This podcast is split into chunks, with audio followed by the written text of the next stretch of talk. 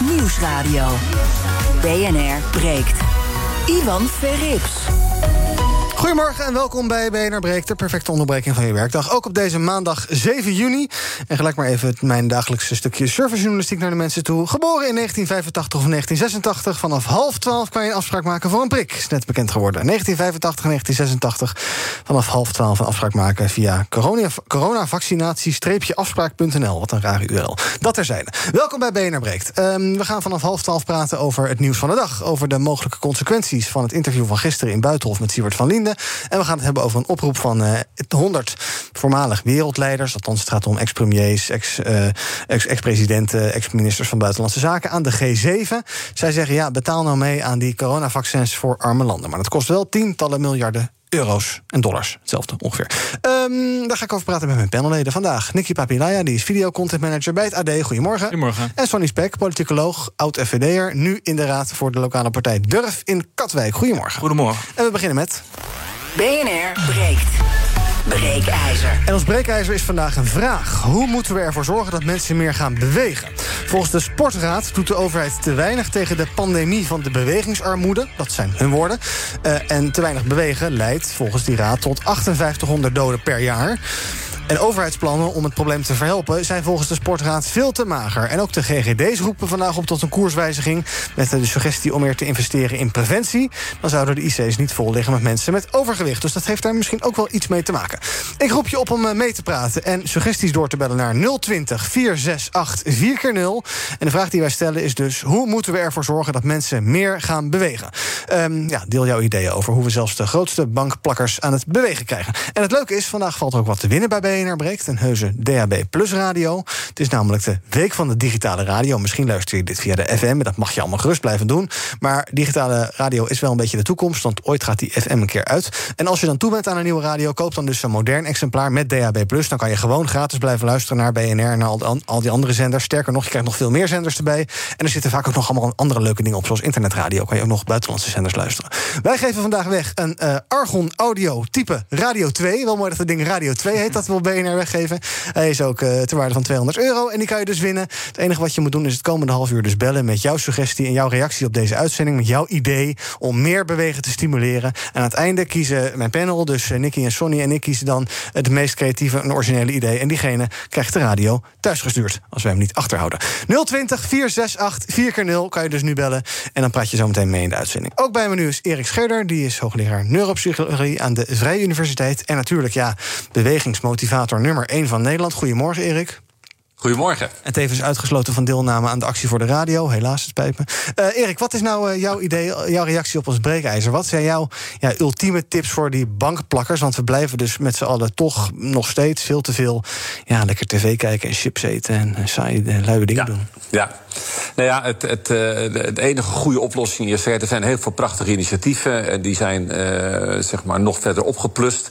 Maar naar ons idee moet het zo zijn dat ook de overheid... dus de regering komt met een aantal top-down maatregelen.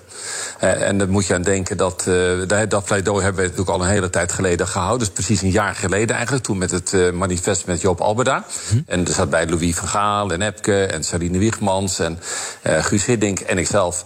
En daar kwamen we ook mee aan tafel uiteindelijk bij die verschillende departementen. En die hebben toen beloofd iconische maatregelen. En dat is gewoon niet gebeurd. Hm. En dat is echt ongelooflijk, want we hebben dus onder andere gevraagd... haal die kinderen gewoon overdag op school even om de drie kwartier uit die stoeltjes vandaan. Laat ze even lekker affotten. Laat die leerkrachten mee affotten. En er moet iets gebeuren waarvan je denkt als maatschappij... dit is het signaal. Ja. Want we hadden al een pandemie waar niemand het over heeft. Mm -hmm. En die pandemie was er al in 2012. En die pandemie heet physical inactivity. Ja. En dat kost 5,3 miljoen mensen per jaar, 5,3 miljoen wereldwijd, mm -hmm. het leven. Ja. Praat nooit iemand over. Hoe is het mogelijk? En we hebben dat echt super duidelijk aan de overheid uh, kenbaar gemaakt.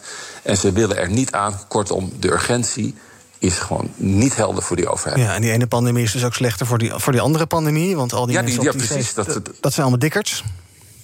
Nou ja, dat zijn in ieder geval mensen die ook uit de recente studies blijkt dat dat mensen zijn die inactief zijn. Ja. En, uh, en althans een deel daarvan. Dus met andere woorden, die eerste, precies wat je zegt. Er zijn nu two pandemics, zo is het in de literatuur nu. Gisteren, van de week, je kunt het overal lezen. Die twee hebben super met elkaar te maken. Dus dit moet de haak zijn om met elkaar in Nederland te zeggen: dit nooit meer. Nee. En het gekke is, het gebeurt niet. Nee, we gaan zo meteen nog even verder praten over hoe dat dan komt dat dat niet gebeurt. Eerst even een rondje hier in de studio. Uh, Sonny, wat zijn nou jouw ideeën waarmee we misschien uh, luisteraars die denken van... ach, ik ga vanavond lekker op de bank zitten... ervoor zorgen dat die toch wat gaan doen, dat die even een rondje gaan wandelen? Of ja, voor vanavond gaat het niet meer lukken, maar meer het grotere Ja, ik, ik, denk dus dat er geen magische oplossing is... waarmee we in één keer allemaal massaal gaan uh, sporten. Ik denk dat je als overheid zijnde... hebben die communicatiecampagne gezien... hoe je gezond kan leven. Nou, dat werd al belachelijk gemaakt door veel mensen... Mm omdat er ja, bijzondere tips in stonden... die voor veel mensen vanzelfsprekend zijn. Dus ik denk dat je als overheid moet doen waar je goed in bent. En dat, is, dat zijn de mogelijkheden creëren om te gaan sporten. Mhm. Nou, nu van de week las ik het bericht dat we 350 miljoen euro mogelijk gaan besteden voor die uh, sneltesten. Om die gratis te kunnen maken voor vakanties. Mhm. Ik denk, nou, dat geld kunnen we ook prima besteden om te gaan investeren in sportclubs of in gemeenten. Ik weet dat in het buitenland is het heel normaal dat je openbare um, plekken hebt waar je kunt sporten, bijvoorbeeld. Nou, in Nederland is dat nog vrij beperkt. Ja. Dus ik denk dat daar als overheid zijn er echt wel uh, goede mogelijkheden zijn. Maar uh, op de korte termijn is dat gewoon heel moeilijk, omdat het ook in je systeem moet zitten. Um, en dat is echt wel iets um, ja, waar je zo, ja, bijna zo van langs naartoe moet uh, groeien en waar je de mogelijkheden voor moet creëren. Ja. Nicky, wat zijn jouw ideeën? Hoe krijg je, ben je zelf een beetje sporter? Ja, ja, ik hou wel van sporten, maar... Uh, Hoe gaan we mensen die niet, altijd, uh, niet van sporten houden daaraan krijgen? Uh, ik, ik, ja, hou ervan, maar het is natuurlijk ook soms dat je er niet de toegang voor hebt. Mhm. Of dat het gewoon een, een, hele hoge drempel is. En ik denk uit eigen ervaring in mijn omgeving ook... dat, je, dat de overheid daarin tegemoet moet komen en sport ook betaalbaar moet maken. denk bijvoorbeeld aan subsidies voor mensen die toch niet toereikend inkomen hebben... om een sportschoolabonnement te nemen. Mm Ik als je daarnaar als eerste naar kijkt, dan los je in ieder geval een hele grote groep op van mensen die niet kunnen sporten. Ja, waarom willen we niet sporten? Ik denk dat je dan inderdaad weer beter moet gaan inzetten op die informatie die we nu krijgen vanuit de overheid, maar dan op een manier dat we het allemaal begrijpen en ook aanvankelijk nemen. Ja, um, ik ga zo meteen wat bellers aan het woord laten met hun suggesties. Uh, uh, eerst, uh, Erik, de, de, suggesties die ik hoor eigenlijk zowel van, van Nicky als van Sonny, die hebben allebei te maken met geld. Is dat, een, is dat inderdaad de issue? Of moeten mensen gewoon uit van de bank afkomen en iets gaan doen? Nou ja, kijk, ik begrijp hun suggesties zijn allemaal zeer waardevol. En we hebben dus, kijk, het punt was, uit dat overleg met, na dat manifest is er een werkgroep gekomen. Uh-huh. Met al die departementen. En die hebben we dus dan gekeken, wat zijn nou zo meteen de maatregelen. En daar staat het dus vol van deze maatregelen die ook net worden genoemd. Die zijn uh-huh. zeker waardevol. Maar die maatregelen waren er al. Dat is juist het punt. Alleen worden ze nu opgeplust. Maar als die maatregelen zo succesvol waren geweest, hadden we deze pandemie niet op die manier gehad. En dat krijg je er gewoon niet in, omdat de overheid niet bereid is om te zeggen: oké, we hebben een avondklok, dat is in één dag geregeld. Hè? Mhm. We hebben uh, anderhalve meter, dat is in één dag geregeld. Dat is om infectiegevaar te bestrijden. Maar meer daar bestrijd je ook het infectiegevaar gevaar mee. wat is er nou zo moeilijk om morgen te stellen... die kids uit die banken om de drie kwartier? Eh, pas de arbowet aan. Zorg dat er die werkgevers...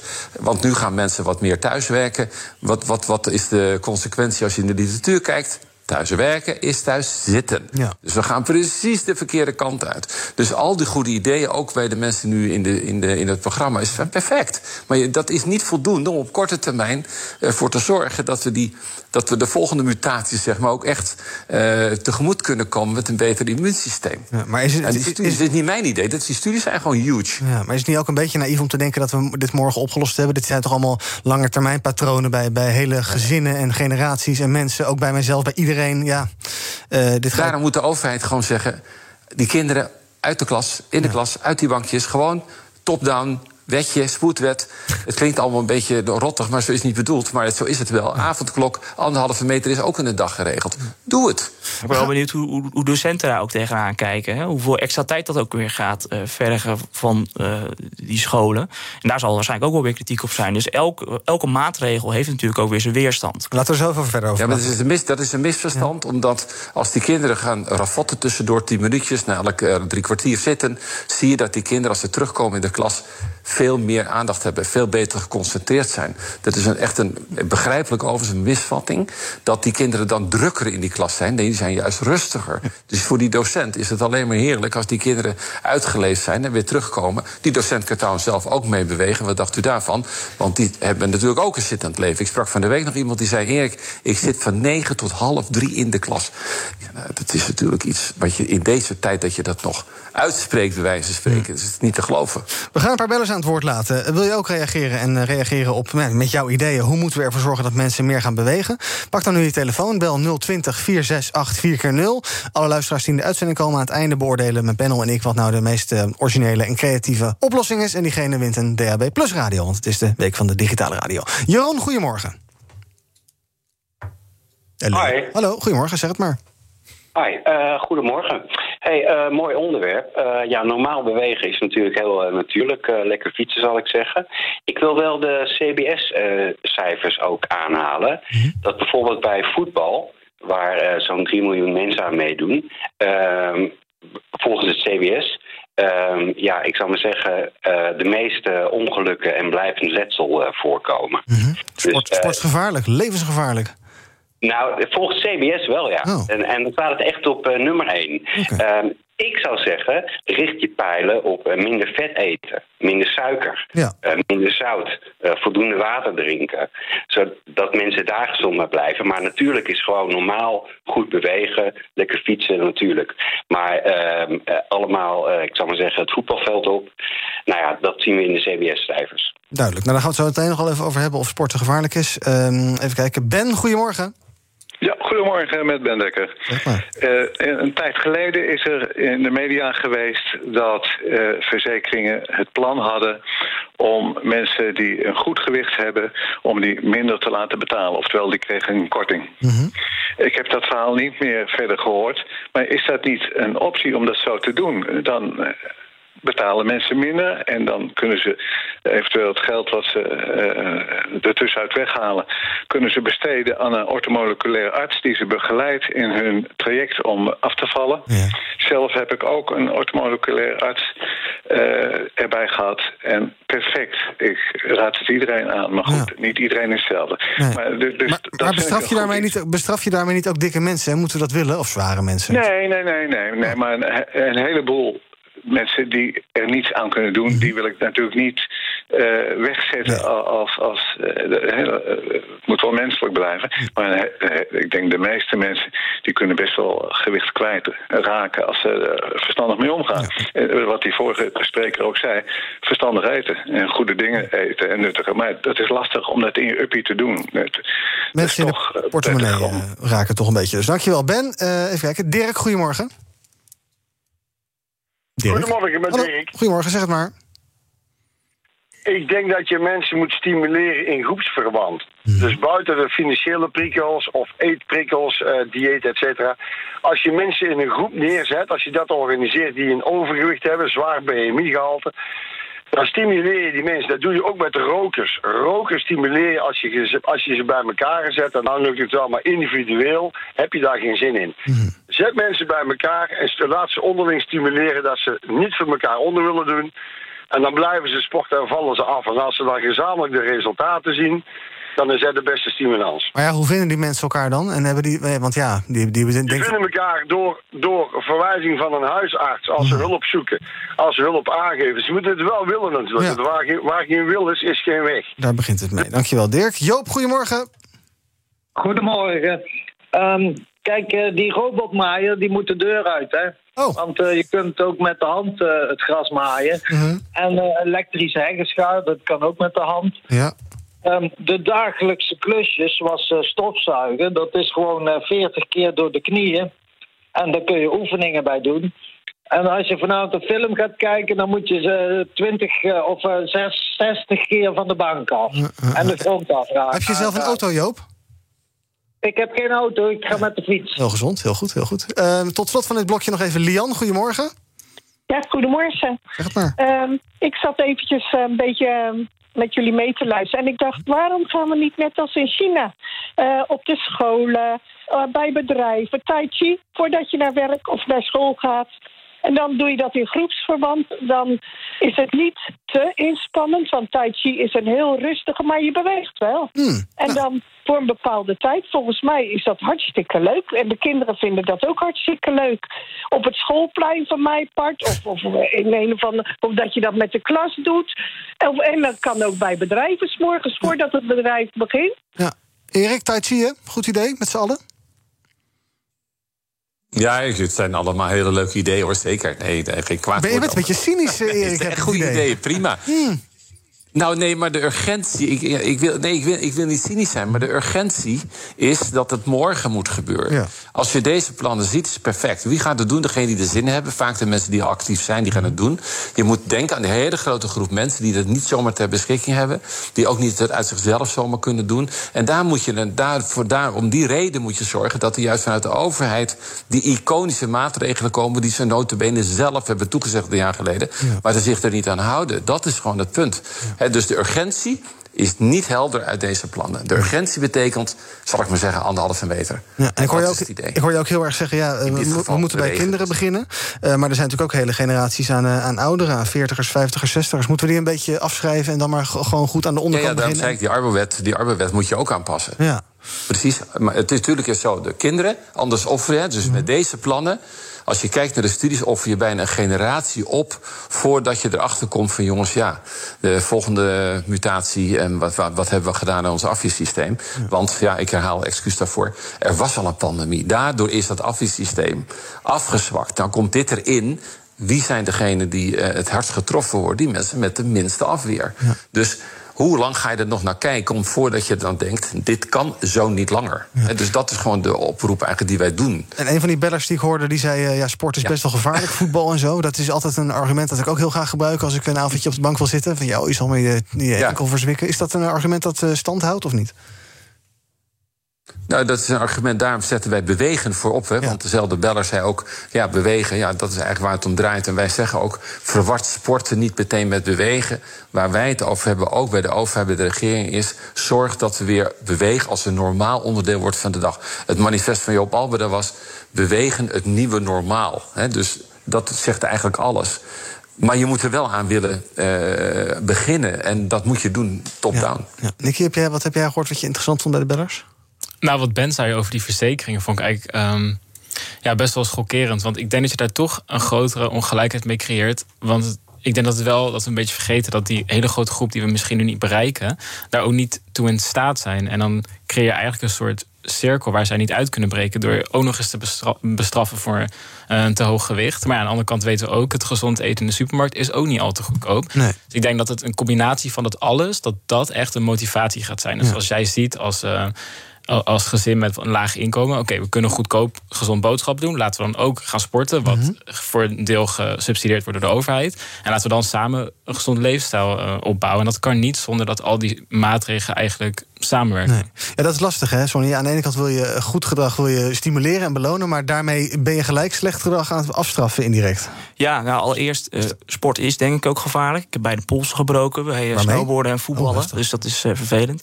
Maar eh, ik denk inderdaad wel, en dat moeten we echt niet onderschatten. Tuurlijk, ik begrijp die urgentie van we moeten eh, morgen al wat gaan doen. Ik denk ook dat tijdens de pandemie met die app van weet het ommetje... dat heel veel mensen ook tegen elkaar gingen concurreren in groepsverbanden. Dat vond ik ook een goede suggestie. Maar we moeten niet vergeten dat... dat eh, ja, overgewicht ook echt een sociaal-economisch eh, component heeft. Dat klinkt misschien wat zwaar, maar uiteindelijk gaat het vaak over eh, kwetsbare gezinnen die inderdaad goedkoop en vet voedsel kopen. Ja. En ook gewoon in hun wijk weinig mogelijkheden hebben om te sporten. Dus bijvoorbeeld die openbare sportplaatsen meer stimuleren. Dat is wel echt iets waar ik een groot voorstander van ben. En daar zou je ook een soort plan voor kunnen gaan starten. Want dat is nu op dit moment nog steeds te weinig. Denken we ook aan bijvoorbeeld schoolzwemmen, wat steeds minder wordt gedaan. Ik denk dat dat allemaal hele positieve m- mogelijkheden zijn. Maar ja, het is niet morgen geregeld. Nee. We gaan er in een minuutje of vier nog even een paar luisteraars doorheen drukken... die eh, met hun suggesties komen. Hans Spaan, goedemorgen. Hallo? Hallo? Oh ja, ben ik aan de beurt? Zeker, zeg het maar. Ah, eh, ja, met Hans. Ja, ik, eh, ik, ben, ik ben er al langer over aan het nadenken natuurlijk, zoals de meeste mensen. Maar ik denk dat de baas ligt eh, inderdaad bij de basisschool. Als eh, nieuw schooljaar, maar dat is natuurlijk niet te realiseren 1, 2, 3, maar het jaar erop. Bij de basisschool ieder basisschool een sportinstructeur krijgt. Met nog eens een keer een, eh, een aantekening voor eh, judo of uh, jiu-jitsu of karate. Maakt het allemaal ook niet uit. Kinderen laten sporten. dat is punt 1. vervolgens gaan ze in de klas gaan ze het ook nog eens over hebben over pestgedrag. Uurtje. Vervolgens gaat er ook nog een uurtje door eh, eh, een deskundige les gegeven over eh, gezonde voeding. En vervolgens komt er ook nog eens een keer een uurtje over seksueel overdraag, eh overschrijdend gedrag. Ja. En als je, ja, maar luister, als je dat, als je dat bij de nieuwe schooljaar begint, Ja, en over acht jaar krijg je een, een generatie die opgevoed is met een aantal waarden eh, van hoe het zou kunnen. Kijk, er zijn altijd mensen die buiten het boot vallen, die niet willen, want eh, de mens in principe is de mens lui. Eh, dus maar als je kinderen op die manier eigenlijk niet programmeert, maar toch wel een voorbeeld geeft, dan zul je zien op langere termijn dat, eh, eh, ja, dat, dat, dat het een andere samenleving gaat worden, denk ik. Denk. Dankjewel voor het bellen. Dirk, eh, meneer of mevrouw Wammers, goedemorgen. Hallo, Hallo. Ben ik het? Ja, dat bent u. Ja, of, ja, ik heb er maar één Ja, hier, dus u ben ik. Dan sorry. Vandaar. ja, ja, ik vind eh, in het woord eh, pandemie zit ook het woord eh, demon. Die- En de, de niet-sporters wordt gedemoniseerd. Ja. En ik vind het ook een beetje fictie. Net als eigenlijk de Brave New World, daar wordt zogenaamd een gezonde super mens gemaakt. En daar zijn we mee bezig. Ik zit thuis in de, eigenlijk in de, eh, wat ik dan noem, de gezondheidsdictatuur. Ja, en daar wilt u niet in leveren. Dus da- daarom, eh, er zijn genoeg prikkels in de maatschappij waardoor de jeugd wat gaat doen. Ja, duidelijk. Dank u wel. Manuel, goedemorgen. Ja, goedemorgen. Zeg het maar. Ja, ik ben zelf docent op een middelbare school. En eh, ik hoorde de uitzending. Ik dacht, ik mis heel een goede tip. Die ook eh, inspeelt op de urgentie die, eh, die gevraagd wordt. Ehm, als je kijkt naar de, naar de schoolpleinen van basisscholen... en je kijkt naar de schoolpleinen van middelbare scholen... zie je een enorm verschil. De van de middelbare scholen zijn best heel kaal. Dus ik dacht, waarom maakt de overheid niet per direct 5000 euro tot 10.000 euro vrij... per middelbare school om een schoolplein op te leuken... En dan kunnen docenten ook met hun klassen om drie kwartier naar buiten gaan. Eh, of misschien zelfs in de aula iets leuks bedenken. Om daar te gaan sporten en spelen met hun, met hun klassen. Ja, en waar denk je dan aan? Een beetje goals en zo en eh, eh, eh, dat soort dingen. Nou, misschien wel een leuke stormbaan om eh, persoonlijke records te zetten. Of eh, een paar lijnen op de, op de grond voor vierkante bal. We zorgen dat elke docent in zijn klaslokaal een bal in de kast heeft. Of dat de leerlingen dat bij de receptie kunnen ophalen. En dan kunnen ze lekker sporten en spelen, spelen met elkaar. Nou, goede suggestie. Dank voor het bellen. Manuel, ik doe nog eh, even kijken. Twee bellers ongeveer. Eh, blub. Wie hebben we nog meer hangen die ik nog niet gehad heb? Eh, meneer Kidaan, goedemorgen. Hallo, goedemorgen. Ik denk dat als wij de urgentie hebben, ik denk dit uh, vraag die moet gewoon bij de ver- zorgverzekeraar vallen. Want hun ene geld, hun, als ze willen graag minder uitbetalen, dan moeten gewoon dat doen. Ja, bij de zorgverzekeraar. Dank. Dank, eh, meneer Kidaan. Ivona, goedemorgen. Ja, goedemorgen, Yvonne Willebrand. Hallo, zeg het maar. Eh, hallo, ik, eh, ik zit eh, met heel veel interesse te luisteren. Ik ben zelf 53 jaar inmiddels, heb 25 jaar een eigen bedrijf en heel veel zitten in de auto en achter het bureau. En ik kom er nu eigenlijk pas achter, ja, het is een beetje stom, maar hoe het lichaam werkt met suiker, wat de gevaren van suiker, hoe belangrijk bewegen is. En ik denk, als je nou al in de bovenbouw van de lagere scholen begint en de middelbare scholen met gewoon simpele voorbeelden, maar wat voor effect de gevaren van de samenleving in vooral voeding en niet bewegen heeft voor je lichaam, dan denk ik dat er heel veel ellende ook op latere termijn bespaard kan worden. Ja, duidelijk. Dankjewel voor het bellen. Ivona, dankjewel. Ehm Erik, ja, een tipje voor luisteraars thuis is natuurlijk nog om even jou op eh, YouTube op te zoeken. Dan kom je allerlei dit soort filmpjes tegen. We zitten met z'n allen thuis. Maar dat thuis zitten, hè? Dat zitten, daar wil ik het even met u over hebben. Want dat is toch de, de uitspraak al meteen, we zitten thuis. Maar dat zou toch jammer zijn als we dat te letterlijk nemen. Want dat zitten, daarvan is inmiddels best heel goed aangetoond... dat het onder andere geen gunstig effect heeft op uw afweersysteem. Het afweersysteem, waarvan we juist denken van... kom aan, dat willen we nu in ieder geval zo hoog mogelijk krijgen... dat afweersysteem gaat wat onderuit, wordt wat minder goed... als u nu echt letterlijk thuis zou zitten. Dus we moeten gaan staan, Erik. Eh, je moet niet te streng zijn, hoor. Ik denk dat je mensen daar ook een beetje mee afschrikt. Mij wel in ieder geval. Nou ja, dat mensen zeggen dat ik hoorde dat er net ook iemand zeggen even hè, van eh, we willen het niet opgedragen krijgen. Maar ehm, als je kijkt wat dit nu doet helemaal in de maatschappij. Ik bedoel dat we niet meer roken in de gebouwen. is ook opgelegd door de overheid. En dan zegt de overheid van ja, maar dat komt omdat een ander mede ook. Is ongezond voor iemand. Maar als je dus niet beweegt en je bent meer gevoelig voor nieuwe infecties, dan maak je een ander ook ziek. Dus ik zie niet in waarom je in dit geval niet zou kunnen praten. En dat is wel, vind ik, een, een hele mooie gedachte over gezondheidsbescherming. In plaats van preventie, praat over gezondheidsbescherming. Is het, is het zo opgelegd als je gewoon die kinderen weer leert... kom jongens, uit die stoeltjes komen, lekker bewegen. Is dat, is dat echt iets opdringen? Nou, volgens mij is dat gezondheidsbescherming. Duidelijk. Dankjewel, Erik Scher. Dank voor het meepraten. En jij bent dus wel voor enige uh, zachte dwang. Zometeen na het uh, nieuws gaan we even kijken wie de radio heeft gewonnen met z'n drieën hier. En de bellers die nu aan de lijn hangen, blijf even hangen. Dan komen we misschien zometeen nog even bij jullie terug. Um, zometeen in het tweede deel van BNR Breekt. dan gaan we praten ook over het nieuws van de dag. Bijvoorbeeld over Siewert van Linden en over die oproep van die 100 wereldleiders aan de G7. Die zeggen, joh, betaal die coronavaccins voor die arme landen nou eens. Zometeen in BNR Breekt. Tot zo. Bij BNR ben je altijd als eerste op de hoogte van het laatste nieuws. Luister dagelijks live via internet. Jelle Maasbach, Wesley Weert. We zijn er voor je met het leukste, opvallendste, maar natuurlijk ook het belangrijkste nieuws. Tijdens de presentatie van die halfjaarcijfers toen die beurskoers in elkaar kukkelde. BNR Beurs. Voor de slimme belegger. Blijf scherp en mis niets. BNR Nieuwsradio. BNR breekt. Ivan Verrips. Welkom terug bij BNR Breekt. In mijn panel vandaag Nicky Papilaya en ook Sonny Spek. Zometeen praten we over eh, de G7-landen... op wiens schouders een grote verantwoordelijkheid rust... volgens ruim 100 eh, ex-wereldleiders. Maar we gaan eerst nog even kijken naar wie nou eigenlijk onze uh, prijs gewonnen heeft. Onze DAB Plus radio, want het is de week van de digitale radio. Ja, we gaan eerst... Ja, ik weet niet hoe lang deze pauken zijn... maar we gaan eerst nog een korte redactievergadering doen. We hebben drie kandidaten. um, we hebben, jij wilde voorstellen, Sonny, de meneer die, die, met de bewegingsdictatuur kwam. Of was dat een grapje? Ja, dat was een grapje, oh, dat was een grapje ja. Maar het mag ook. Mag Dan hebben we nog Dan hebben we nog twee kandidaten die overleven. Dat is Manuel, de docent inderdaad. En uh, Lian, die het voorstelde om te tai chi op werk en kantoor. En ik geloof dat we, nou niet helemaal unaniem... maar dat we uiteindelijk wel gaan uitkomen op... Wie wordt het? Even in het koor. 3, 2, 1. Lian. Ja, Lian. toch wel, toch wel. en ik doe mee. Heel heftig dit.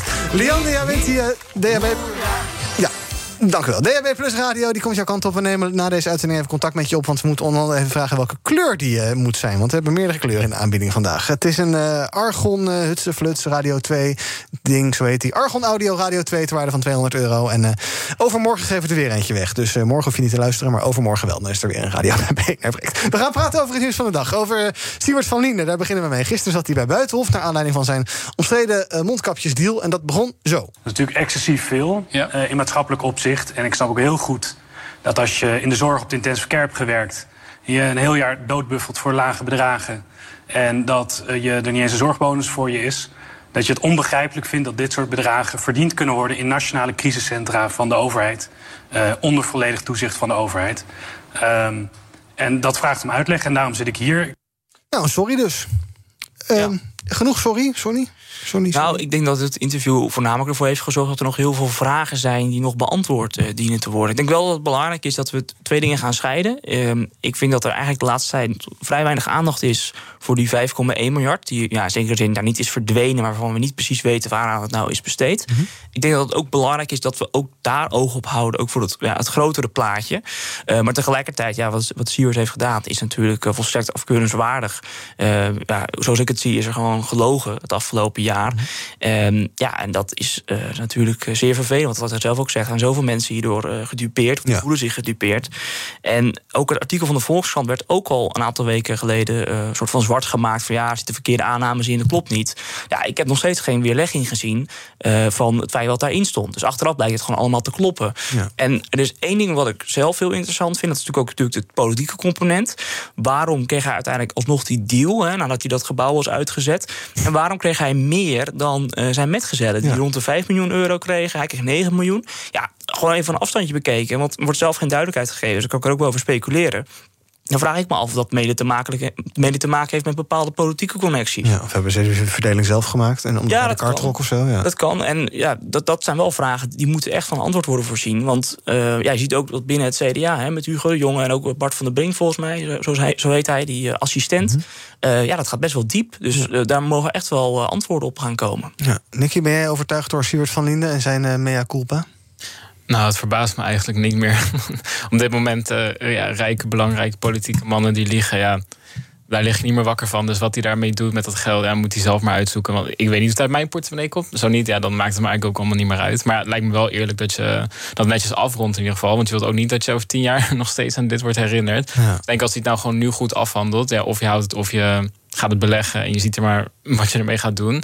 Maar zorg wel dat er wat duidelijkheid over komt, dat we in ieder geval weer rustig kunnen slapen. Je bent een beetje teleurgesteld in de politiek in het algemeen, hoor ik. Ja, maar dus, het is toch geen nieuws meer elke keer dat, dat we dan Nou ja, lezen, er wordt deed- weer gelogen, of dit is niet duidelijk, of dat is kwijt. Of ja, ik ben ook wel eens een tientje kwijtgeraakt, maar dan vind ik het vaak wel later weer terug. Maar ja, hoe raak je 5,1 miljard kwijt? Of waarom gaat er ineens 9 miljoen euro winst naar, Ja. naar iemand waar we eigenlijk helemaal niet van weten wat hij daarmee gaat doen? En als hij er van, van tevoren nou helemaal open over was geweest... over eh, dat, hij, dat het gewoon een commerciële deal was... en dat hij er geld mee had verdiend... was het dan nog steeds niet oké geweest? Voor jou? Nee, ik denk het niet. In, in deze tijden, ik denk dat je als overheid dan ook gewoon heel erg ethisch moet handelen. En dan doe je alles eigenlijk transparant. En ook al zit daar een snelheidselement achter, die transparantie ontbreekt gewoon. En ik denk dat daar die woede ook uit ontstaan is. Want waarom wordt er voor bepaalde leveranciers gekozen? Waarom niet voor anderen? Ehm, dat heb ik ook al eh, vernomen vanuit mijn eigen netwerk als het gaat om die sneltesten. Waar de overheid ja, deeltjes afslaat omdat, er dan, omdat ze ergens anders weer eh, iets kunnen krijgen wat dan eigenlijk veel duurder is. En dan geen toelichting op wordt gegeven waarom kiezen ze dan voor die en niet voor de goedkoopste. Dus er ontbreekt gewoon echt heel veel transparantie. Het, het pijnlijke is natuurlijk dat het mogelijk ook zo is dat hij heeft, heeft aangegeven van ja, ik heb natuurlijk een netwerk, hè, ik heb een bepaalde bekendheid. Dat kan ik ook in gaan zetten dat jullie mijn aanbod niet willen accepteren. Dus mogelijk dat daarom ook uiteindelijk die deal is gesloten, die ook eh, werd afgeraden omdat het als overbodig werd gezien. Dus er zitten echt nog heel veel vragen achter waar echt eh, men op, eh, dieper op in moet gaan, eh, vind ik. En ja, ik hoop dat we ook snel kunnen gaan beginnen met die parlementaire enquête. Ik weet dat ze in Engeland zijn de verhoren al gestart. Ja, ook in Nederland moet dat gaan gebeuren. En kijk, ik denk dat heel veel mensen wel begrijpen dat er vorig jaar in maart, april keuzes zijn gemaakt die misschien achteraf niet altijd te verdedigen vallen. Want ja, het was crisis en we hadden gewoon die mondkapjes nodig. Maar je moet er wel volledig eh, ja, openheid over geven. En Siewert heeft natuurlijk be- bewust, denk ik, eh, daarover gelogen. Eh, en wil natuurlijk liever dat hij niet naar buiten kwam. Dat zei hij nu ook achteraf. En ik had van de daken moeten schreeuwen dat ik een BV had. Dat heeft hij niet gedaan. Dus dat, is niet per ongeluk vergeten. Nee, en dan, dan lees je dat, dat stuk van, van Follow the Money, die trouwens echt geweldig werkt toen elke keer. Van, nou, je hebt het geraden, gefeliciteerd, je hebt een fles wijn gewonnen. Ja, dat zijn toch teksten. Ja, sorry, ja, ik als doodnormale, doodnormaal studentje denk dan toch van, ja, jongens, wa- wa- wat voor moraal heerst daar dan? En dat is wel waar ik eh, van schrik. Maar eigenlijk, wat jij ook zegt, schrikken doe je er bijna niet meer van. Want eh, ook in de landelijke politiek is het natuurlijk heel normaal tegenwoordig om te liegen en er niet eh, ja, verantwoording over te hoeven af te leggen. Nou ging het gesprek gisteren voor een deel ook over, eh, voor een groot deel eigenlijk ook over de mogelijke betrokkenheid van het CDA. We hebben het al besproken. Eh Nikki Pauverwij, zij is Kamerlid voor JA21. Zij wil daar eh, Kamervragen over stellen. En over het CDA zei ze vanochtend dit bij de ochtendspits hier. U vermoedt dus inderdaad dat er gewoon een deeltje gesloten is tussen twee vriendjes van Linde en de jongen. Eigenlijk wel, ja. Ja, dat, die suggestie is er op zijn minst. Dus daar moeten we het goed over hebben. En als er dan gesteld wordt van nee, maar de, de minister heeft eigenlijk alleen een klap gegeven op een deal die er al lag, dan klinkt dat minder waarschijnlijk. Maar nu blijkt het tegenovergestelde waar te zijn. Nou, dan moeten we opnieuw in debat met elkaar. Ja. Zit de jongen ook met zijn vingers tussen de deur? Ja, ik denk dat eh, mevrouw Verwij eh, helemaal gelijk heeft. Dat dit op de bodem moet worden uitgezocht. En dan zie je ook hè, hoe, hoe nauw die connecties zijn eh, in de politieke top van Nederland. Ik, Ja. ik, vind dat echt eigenlijk wel schrikbarend dat de assistent van Hugo de Jong ook nog eens een keer op de Kamerlijst staat. En ook weer verbanden heeft met degene die het verkiezingsprogramma van het CDA heeft geschreven. Ja, je wil niet al te zware termen gaan gebruiken. Maar dat gaat niet volgens mij helemaal de goede kant op. En ik denk ook dat het daarom mogelijk vanuit VWS is gelekt. Omdat ambtenaren natuurlijk vaak eh, heel loyaal zijn eh, aan het werk wat ze doen. En ook hier hebben gezien van ja, dit kan niet door de beugel. Dus we brengen het naar uh, Follow the Money of naar de Volkskrant.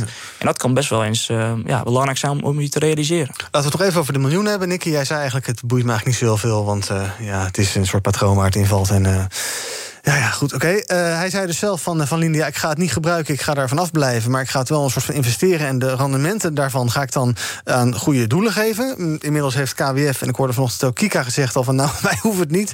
Ehm, wat moet hij doen met het geld, Nicky? Ja, het boeit jou dus niet, maar ik ben toch benieuwd. Nou, ik, ik denk dat hij op dit moment het beste maar gewoon zelf kan houden. Want de, hoe langer hij over nadenkt, hoe meer hij erover gaat plannen. Het komt alleen maar weer meer in het nieuws. En ik denk dat hij zelf daar ook wel gewoon klaar mee is. En uiteindelijk zijn we het over een half jaar waarschijnlijk allemaal vergeten. Ik, ik vind het geld minder belangrijk dan de vragen en de antwoorden.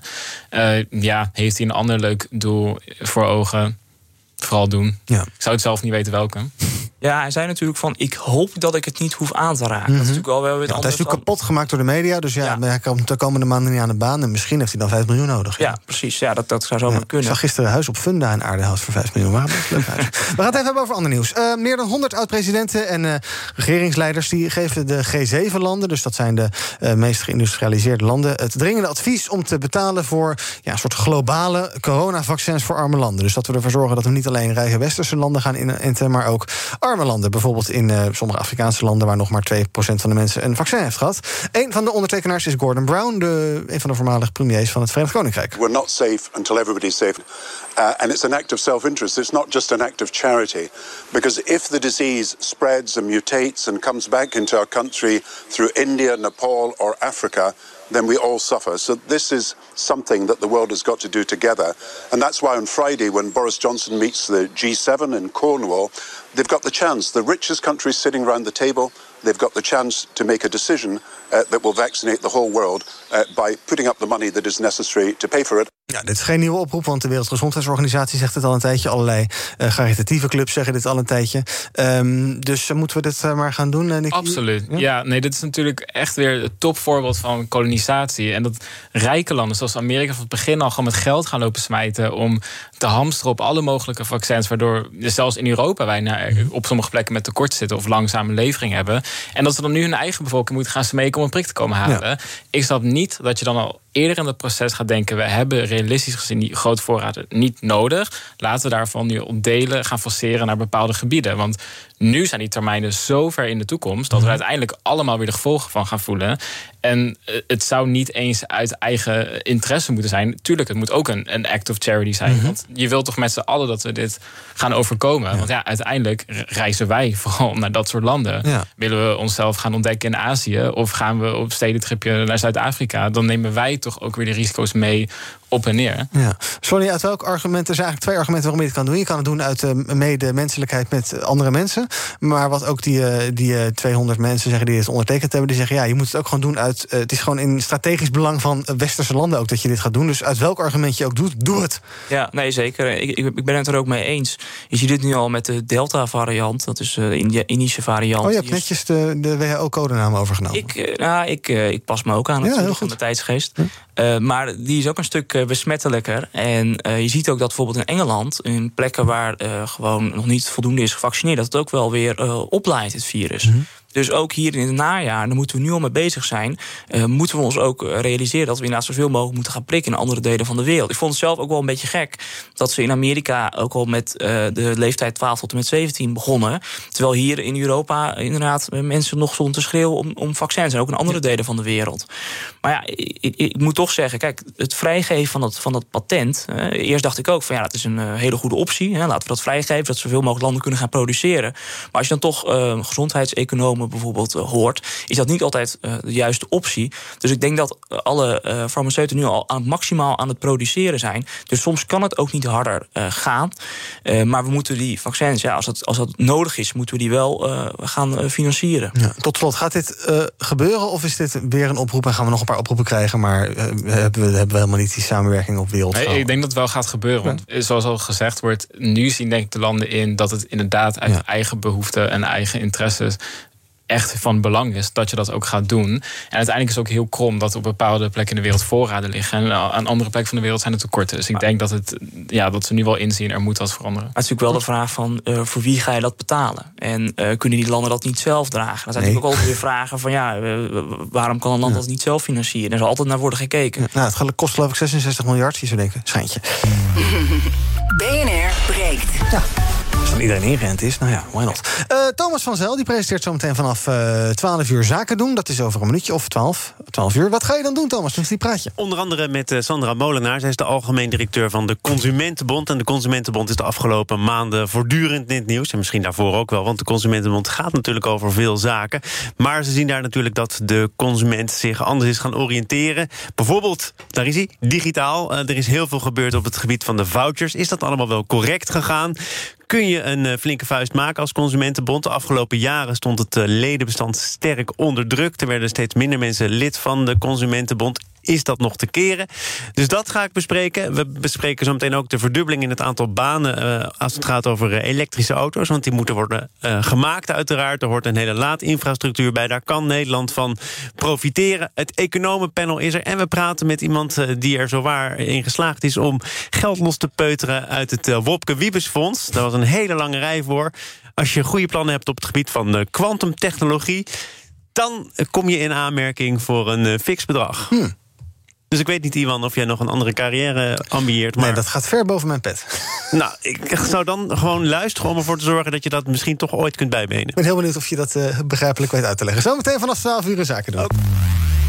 BNR We gaan even kijken naar uh, eigen nieuws. Wat viel jullie op? Uh, Nicky, jij wil het geloof, hebben, geloof ik hebben over dat studentenprotest van vorige week. Ja. Daar hebben het vorige week ook over gehad. Dus je moet nu met een heel goed verhaal oh, komen om er iets aan toe te voegen. ja, ik wil eigenlijk gewoon mijn persoonlijke inbreng uh, uh-huh. ingooien. Want um, ja, het viel mij toch op dat vooral de grote media het niet echt hebben opgepakt zoals ik eigenlijk had ja, gedacht en gehoopt. Maar dat is natuurlijk wel een, ja, een issue dat onder de aandacht moet worden uh, gebracht. Want heel veel mensen weten het gewoon niet. En die snappen niet hoe groot dit probleem is. En waarom het zo belangrijk is dat deze zeurende studenten toch een tegemoetkoming krijgen. Want het gaat natuurlijk niet alleen om de schuld. Het gaat natuurlijk ook alles wat daarbij komt. Want ja, je begint gewoon echt met een verschrikkelijke start. Ja. En dan wordt er natuurlijk wel aan het begin werd al beloofd... gaat geen invloed hebben op je hypotheek of wat dan ook. Maar ja, dat, deze tijden weten we het allemaal niet meer... of dat wel zo blijft. En als ik, ja, ik logde toevallig laatst voor het, zelf, eh, voor het eerst... in op Duo had ik eigenlijk nooit moeten doen. Nee, gelijk wegklikken. Uh, ja, ik had ook meteen weggeklikt. en toen dacht ik, zo, nou, ik pak ook een bordje. Ik ga ook naar Malieveld. Want uh, ja, nee, dat slaat echt nergens op. Ik had zelf ook niet gedacht, voordat ik begon met studeren... dat het zo hoog zou worden. Ja. En dat was ja, toch gewoon een klap in je gezicht. Dat had, je, je, had je wel naakt moeten gaan. Iedereen stond daar een soort naakt. Malieveld, heel ja, Het voelt alsof je gestraft wordt mm. uh, om iets goed te doen. Ja. En er zijn gelukkig alle politieke partijen, behalve VVD... zijn natuurlijk uh, voor het afschaffen mm -hmm. van het stelsel. Maar ja, dat, dat geeft geen duidelijkheid voor ons, voor nee. de generaties die daartussen zijn gevallen. Want het blijft gewoon een, een gefaald experiment. En dan zit je aan tientallen jaren aan vast. Precies. Ja. Dus waar blijft dan de uitkomst voor die pechgeneratie? En ik snap dat het in deze tijd heel lang gaat duren, omdat er nog geen informatie zitten. Maar kom alvast met plannen naar buiten ja. en wees transparant. Zeg waar, je, zeg waar je naar kijkt. Want ze hebben, natuurlijk hebben ze gesprekken, maar ja, de gemiddelde student weet niet waar ze aan toe zijn. Nee. En jij zei, ik heb het in de grote media niet gezien. Ik heb het inderdaad in de, in de kranten wel in kleine kolommetjes gezien met een klein fotootje. Waarom hebben media daar geen interesse in, denk je? Ja, ik denk dat de omvang niet groot genoeg is. Ik denk dat het. We zijn ten eerste, denk ik, demonstratiemoe. Dus heel veel dingen vallen gewoon niet meer zo heel erg op. En ik denk dat ook wordt onderschat hoe groot deze groep is. Want uiteindelijk, het zijn natuurlijk niet alle studenten. Dus het is ook niet een gigantische groep. Maar die groep heeft wel een hele grote impact op ja. alles daarna. En zij worden ook um, heel erg beïnvloed door eigenlijk die hele grote schuld die je met je meedraagt. Dus ik denk dat het, ja, het, het, zou wat meer moeten opvallen. Maar ik denk dat het nu nog niet onder de ogen is van mensen die er eigenlijk niet heel veel verstand van hebben. Nee, er worden pechgeneratie vielen al. Moeten we die allemaal gaan compenseren? Sorry. Het is. Uh, ja, Verwacht een conservatieve mening? Nou, kijk, ik heb, ik heb zelf ook een uh, studieschuld, niet enorm. Maar ik ben ook onderdeel van die uh, pechgeneratie. Maar ik zat laatst de Kamerbrief te lezen. Hoe, hoeveel, wat de varianten zijn, hoe je kan gaan compenseren. Hè. Moet je alleen mensen compenseren die een studieschuld hebben. Of uh, ook mensen die dat bewust hebben proberen te vermijden. En je ziet wel, en daar ben ik wel echt van geschrokken hoeveel uh, geld dat gaat kosten voor de Nederlandse staat om al die ja. studenten te gaan compenseren. Het gaat echt om miljarden. Ja. Uh, en ja, 2.500 of 5.000 euro zet voor heel veel mensen die in de 10.000 euro's studieschuld hebben niet zoveel zoden aan de dijk. Dus ja, ik, ik zit dan toch ook zelf een beetje in ja, dubio. Dat ik denk van ja Misschien moet je meer perspectief voor die studenten bieden. Bijvoorbeeld als het gaat om uh, de arbeidsmarkt of uh, de huizenmarkt. Daar heb je dan misschien meer aan dan die paar duizend euro uh, financieren. Ja, ja ik, ik, ik, snap het hoor. Ik vind het zelf ook een hele moeilijke, heel moeilijk vraagstuk. Maar we moeten ook echt wel eerlijk zijn dat het Nederland heel veel geld gaat kosten als we dat gaan betalen. Maar uiteindelijk hadden we al die jaren die studenten de uitwonende beurs gegeven of de inwonende beurs, was dat geld ook kwijt geweest. En dat hebben we niet bespaard. En die besparingen zie ik niet terug in het onderwijs. En ik werk ook in het onderwijs en ik zie dat er nog echt hele grote gebreken zijn. Dus ik denk dat geld was toch uiteindelijk weggegaan aan de studenten ik denk echt dat je die studenten minimaal moet compenseren op hun maximale uitwonende beurs of inwonend. Nee, ik zie het zelf ook. Ik bedoel, de kwaliteit van het onderwijs is uh, dramatisch achteruit gegaan op de, op de universiteit. Alleen, ja, ik, ik, zie dit persoonlijk toch meer als een bezuiniging. En ook bij andere bezuinigingen zie je dat het geld uh, gewoon ja, een tijdje wordt weggehaald. En dan later komt het weer terug. En dan is het altijd vervelend voor de mensen die dat dan hebben meegemaakt, waaronder die bezuinigingen vielen. Maar dat, dat is hier eigenlijk ook het geval.